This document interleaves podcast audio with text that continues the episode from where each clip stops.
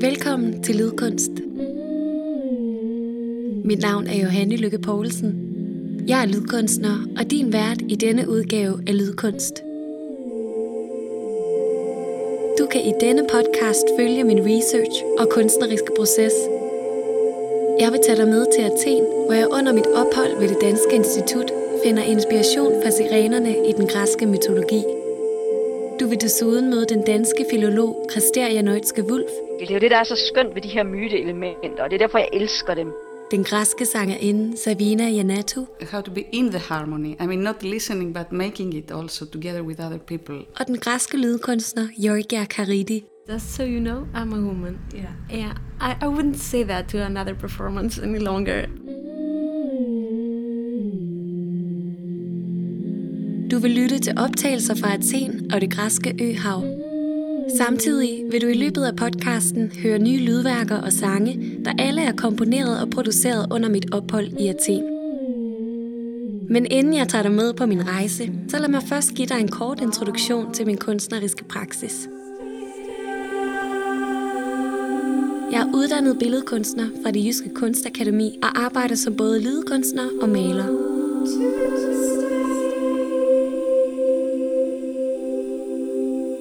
Ved at lægge min stemmes toner lag på lag, skaber jeg abstrakte lydlandskaber, der er mediterende og atmosfæriske. Jeg arbejder i et spændingsfelt mellem lyd og musik.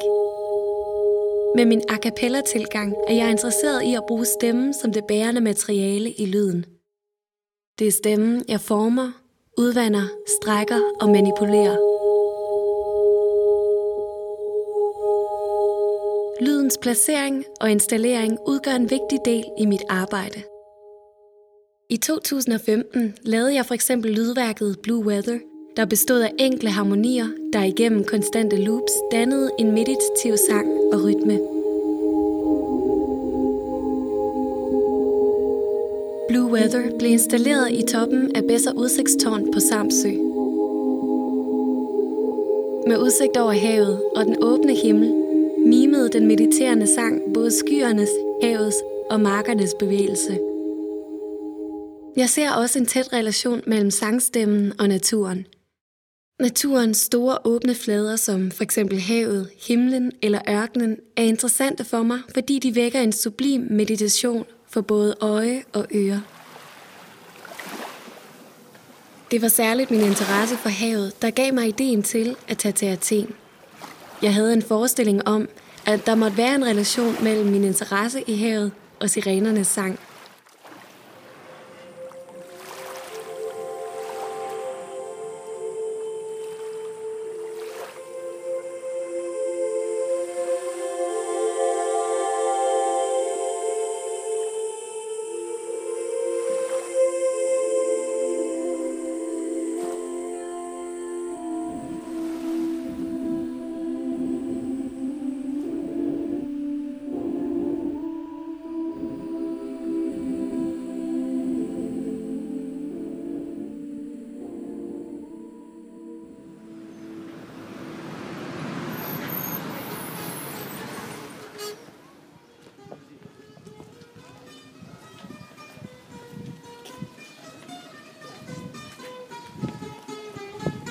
Solen brænder og får den hvide marmor til at reflektere et skarpt lys, der skærer mig i øjnene.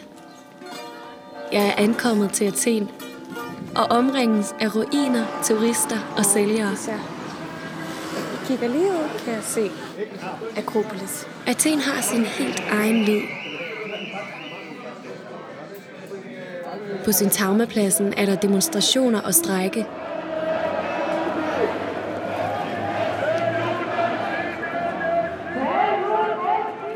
I bydelen kaldet Plaka.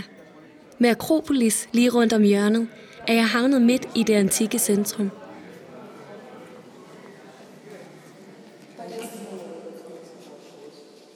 Jeg tager på besøg på Nationalmuseet, hvor jeg finder to store marmorskulpturer, der begge ligner en blanding mellem fugl og kvinde.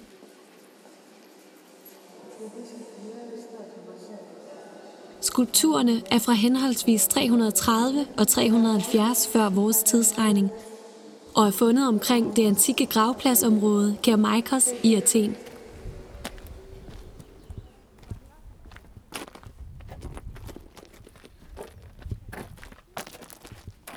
I en park finder jeg en anden marmorskulptur. Den er fra det andet århundrede efter vores tidsregning. Skulpturen forestiller Odysseus, som er en af heltene fra den græske mytologi. Det er netop i Homers Odysseen, vi møder myten om sirenerne og deres sang –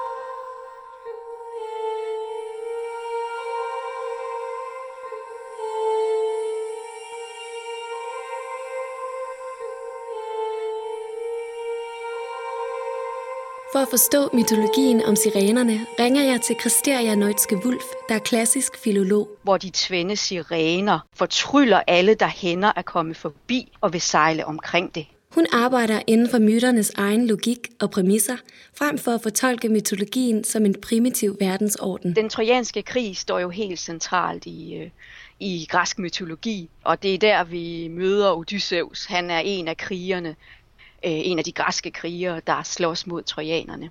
Og det er så de to store digte, Iliaden og Odysseen, øh, hvor Odysseus i Iliaden er en af de græske helte. Men i øh, heltedigtet Odysseen, der får han så sit eget digt, kan man sige. Øh, han kæmper først i Iliaden 10 år i Troja, og så øh, da vi når til Odysseen, der skal han selvfølgelig hjem igen. Troja er faldet, grækerne har vundet, og Odysseus skal hjem til sin kone og sin søn og sit kongerige. Øhm, og han tænker så, at nu skal, han, nu skal han hjem, og det bliver en lige så kort tur som til Troja, men det ender faktisk med at blive en rejse på 10 år. Og der kommer han ud for mange forskellige ting, øh, og blandt andet så øh, har vi sådan en eventyrdel, kan man næsten kalde den, af Odysseen, hvor Odysseus, Odysseus blandt andet møder troldkvinden Kirke og har et ophold hos hende. Øh, og hun hjælper ham og hans mænd til underverdenen, hvor han skal finde råd om, hvordan han skal komme hjem til sin ø Ithaka. Den del af Odysseen, der ligesom handler om Odysseus' øh, eventyrlige rejse, eventyrlige del af rejsen, det er der, vi selvfølgelig møder sirenerne. Med vejledning fra troldkvinden Kirke forbereder besætningen deres møde med sirenerne. Blandt andet ved at putte bivoks i ørerne og binde Odysseus fast til skibsmasten, så han ikke kan falde i havet, når han hører deres sang. Så bliver der lige pludselig fuldstændig havblik. Øh, vinden forsvinder som ved et øh, trylleslag, og havet er fuldstændig stille med den her blanke overflade. Og mændene må så tage sejlet ned og ro øh, og de sejler forbi det her skær, altså det er en ø omgivet af klipper, og sådan på, hvad kan man sige, råbeafstand cirka. Og øh, de er måske lidt i tvivl om sirenerne overhovedet har opdaget dem, men så begynder de at synge.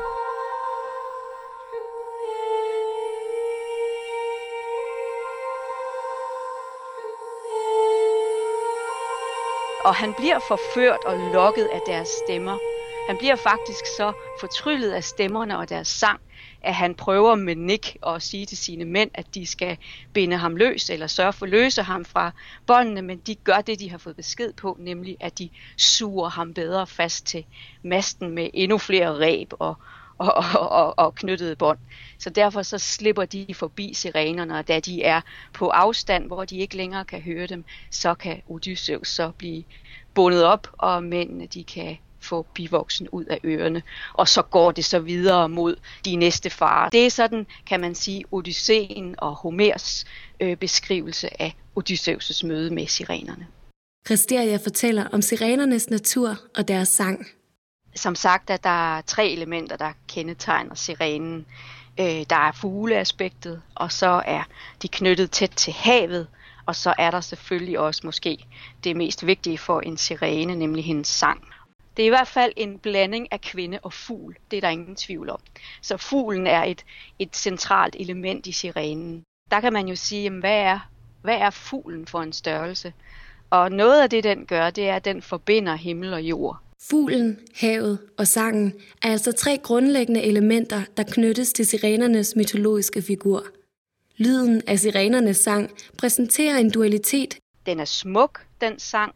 Der står, at den er honningsød, der bliver simpelthen brugt et ord, der indeholder honning, altså den er honningsød, Og så står der også, at øh, deres sang, den er, det er et ord, der betyder klart, tonende, eller det kan også betyde susende, eller pipende, eller vinende. Der er ingen tvivl om, at den her sang er en tryllesang. Det er en sang, som er en anden natur. Det er ikke ord, der beskriver noget, men det er faktisk ord, der skaber. Fordi det er i virkeligheden den sang, der ligesom er verdens grund.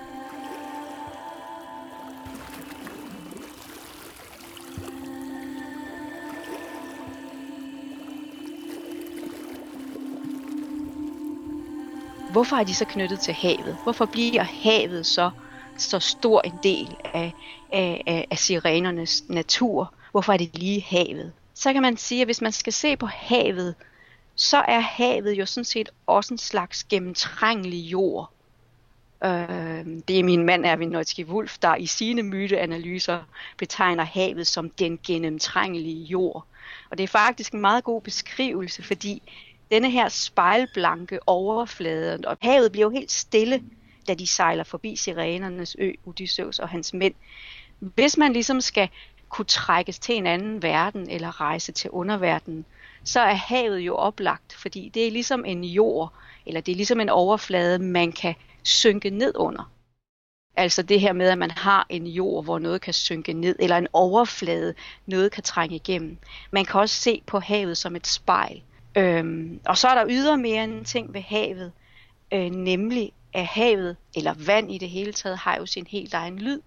Så det hænger meget sammen med sirenernes sang. Rasterias beskrivelse af sirenernes natur og deres relation til havet knytter sig til mit arbejde og min interesse for havet. For det første ser jeg hendes beskrivelse af havet som et billede på meditation. Havet er en flade, man kan synke ned i, men det er også en flade, hvorfra man kan synke ned i sig selv. Og det er netop dette omdrejningspunkt, jeg arbejder med som lydkunstner. Jeg ser lyden som en overflade, ligesom havet, hvorfra lytteren kan synke ned. Synke ned i sig selv, ned i en anden tilstand, for at forstå sig selv i verden. Du snakker også om at synke ned. Det er jo i virkeligheden, man synker jo ned i, i, i verdens grund på en måde, som, og det er også derfor underverdenen er et godt billede, ikke? Man tager i virkeligheden en tur ud af verden, for at lære om verden, ikke? Havet og sangen bliver noget større til sammen.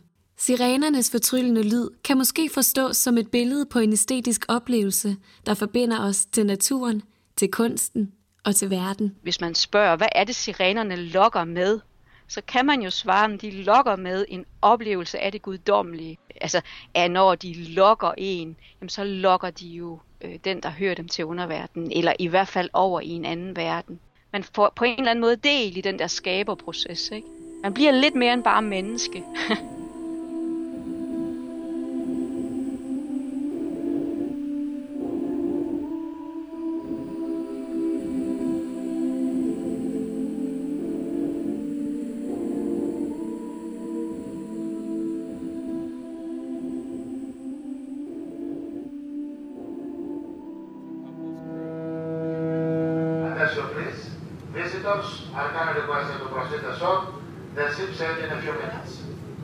rejser til øen Ægina, der ligger omkring en times sejltur fra Athen.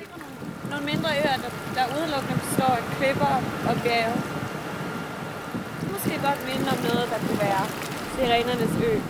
Selve Ægina består af vulkanske bjergarter samt sand og kalksten. Mens jeg kører rundt langs kysten, kan jeg observere havets klare blå farve. Havet har en fuldstændig fantastisk farve. Jeg bader i en lille bugt på den sydlige del af øen.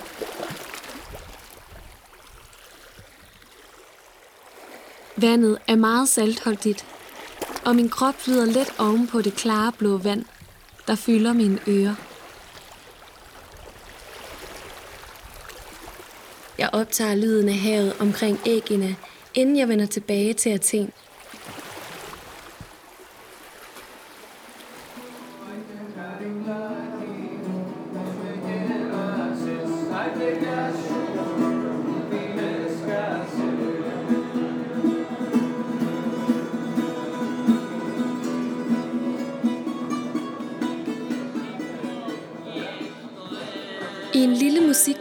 Musikbutik midt i Plaka fortæller jeg en af de ansatte om mit projekt.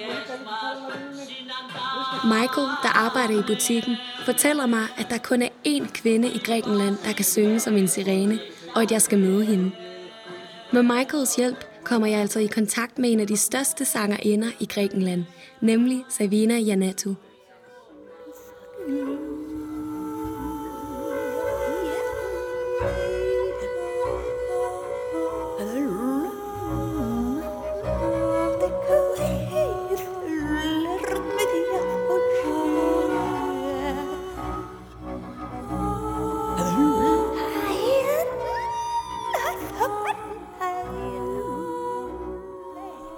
Everybody wanted me to sing, not to compose. So this uh, the things go like this very often. I mean, uh, somehow life pushes you to a direction. They choose you for this and not for the other. So I have learned to accept it after some years, to see that it is not.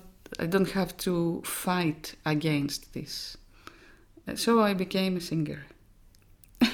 Savina har sin baggrund i klassisk sang og har arbejdet som professionel sangerinde i mere end 30 år. Hendes musikalske arbejde tager udgangspunkt i forskellige kulturer og sprog. Hun har fortolket traditionel musik ved at kombinere klassiske og traditionelle studier med improviseret sang, jazz og avantgarde-teknikker –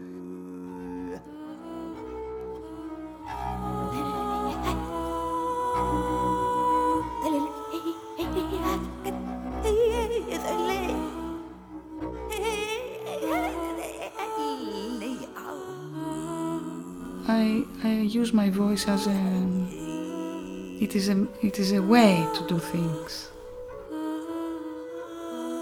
Well, I started as a child, not professionally, in a choir when I was seven, eight, nine there, and uh, this was very important uh, because this is how I I learned how to listen to the music, how important it is to be how to be in the harmony. I mean, not listening, but making it also together with other people.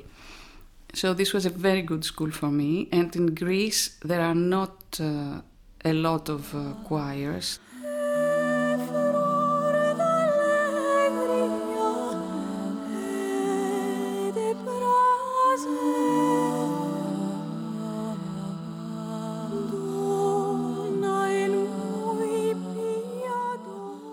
I started with my voice, but uh, of course I had uh, a classical training for some years, and I tried very hard to to change it as a classical uh, singer. And then I said I, I thought I couldn't, so I quit. And uh, yes, it needs a lot of time. And now I feel very well that after all these years, because there are 30 something years, I don't know, that I'm not tired and uh, that uh, I was really discovering. Savinas og mit arbejde deler en interesse i sprog og kommunikation. Hun har ligesom mig også arbejdet med abstrakt sang og nonverbal kommunikation i musik. Det er for os begge forbundet med at udtrykke noget, der ligger ud over den almene sproglige forståelse. When you use the abstract way, you are very free to express your feelings because otherwise you have the, the sense of the words. This creates a, a wall between you and your feeling. If the people don't know what you say, if you also don't know what you say, uh, your feelings are there. Det viser sig, at Savina også har arbejdet med myten om Odysseus og sirenerne. I have sung um, the composition of a musician who uh, put music on how uh, uh Odyssey, uh, Odyssea. I also played in a theater play this year for for children, where I was the the the boat Argo that it is the boat that passed through the siren, through all this, uh, you know. So it was the boat, because this boat is magical. And this boat helped the Argonauts. It was preventing the danger.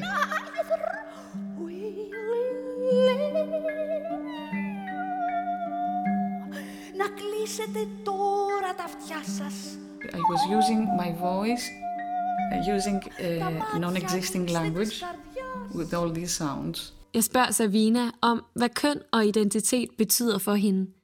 I have never thought about this, yeah. but of course I'm a woman. Yeah. So my voice is high, I use high notes, but I have never thought how it would be if I was a man. I have thought about being a man, but not as a singer. this is it's the first time I realize this. I always wanted to be a man, but uh, for being uh, you know strong, to be a very strong man and not afraid of anything. And I many times I have thought about how I I was I would be if I was a man. But I'm very glad that I am a woman as a singer. This is the first time I feel this. This is uh, thank you for this question. what I understand is that uh, maybe through my voice, that my voice is maybe an identity that I have never thought about. All the others understand it, but.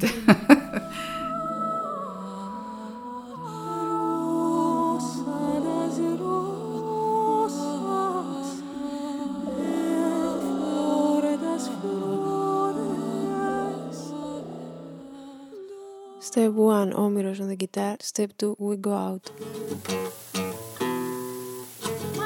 I Athen møder jeg endnu en kvinde, som bruger sin sangstemme.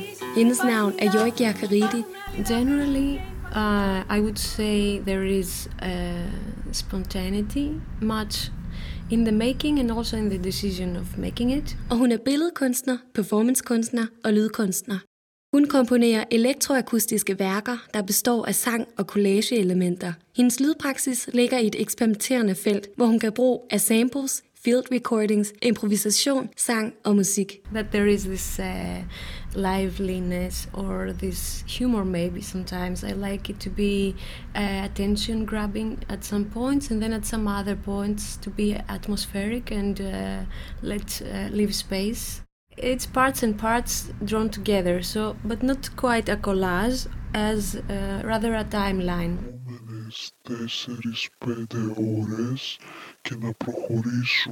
Både Georgia og jeg arbejder med lignende lydprocesser, hvor stemmen lægges lag på lag.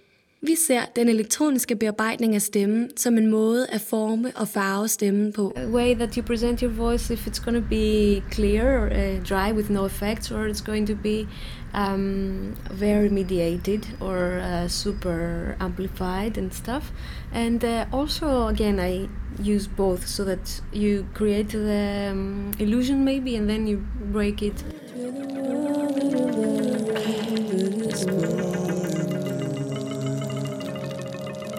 Vi deler en grundlæggende interesse for stemmens materialitet og form.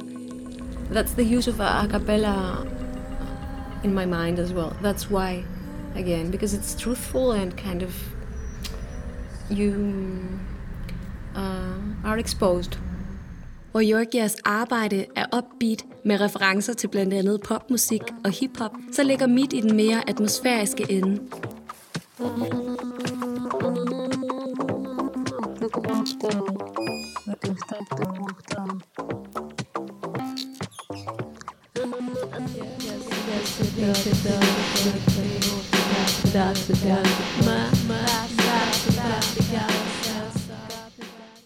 A very distinct way of making your voice kind of sound weary or um, very decorated in uh, the parts of you change the notes uh, if i'm expressing it right like really decorating in the way that you uh, go on with the melody. That draws me the most is the one that's simple.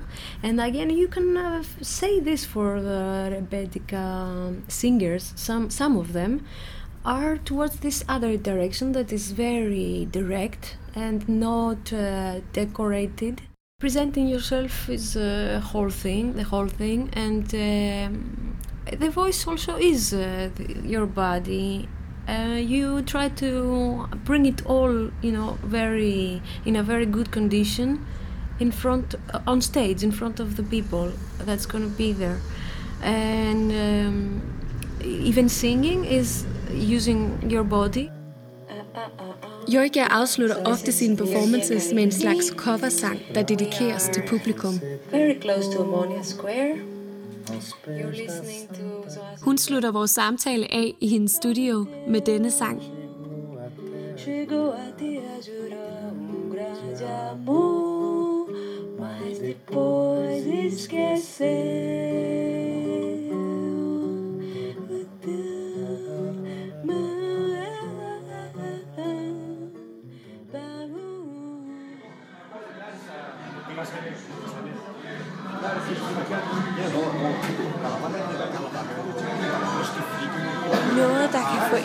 til at komme et bestemt sted her.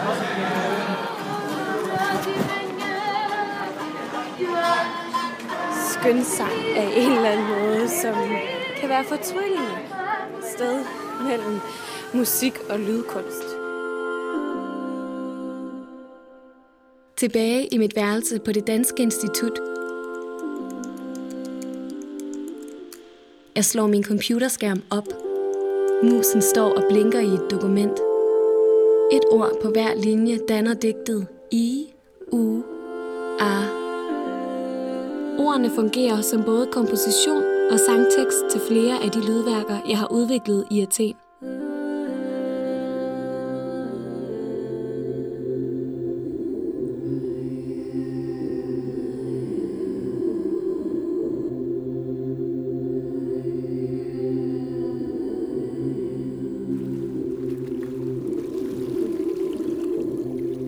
Tænker, at hvis min sang var et hav, så ville den skylle sig hen over dig, som en bølge skyldes op på stranden. Jeg forestiller mig, at sirenernes og min sang på en gang er en let flydende masse i luften, et sted mellem himmel og hav, der fanger dit øre, lader det synke ned og leder dig dybere og længere ned. Hvorhen ved jeg ikke.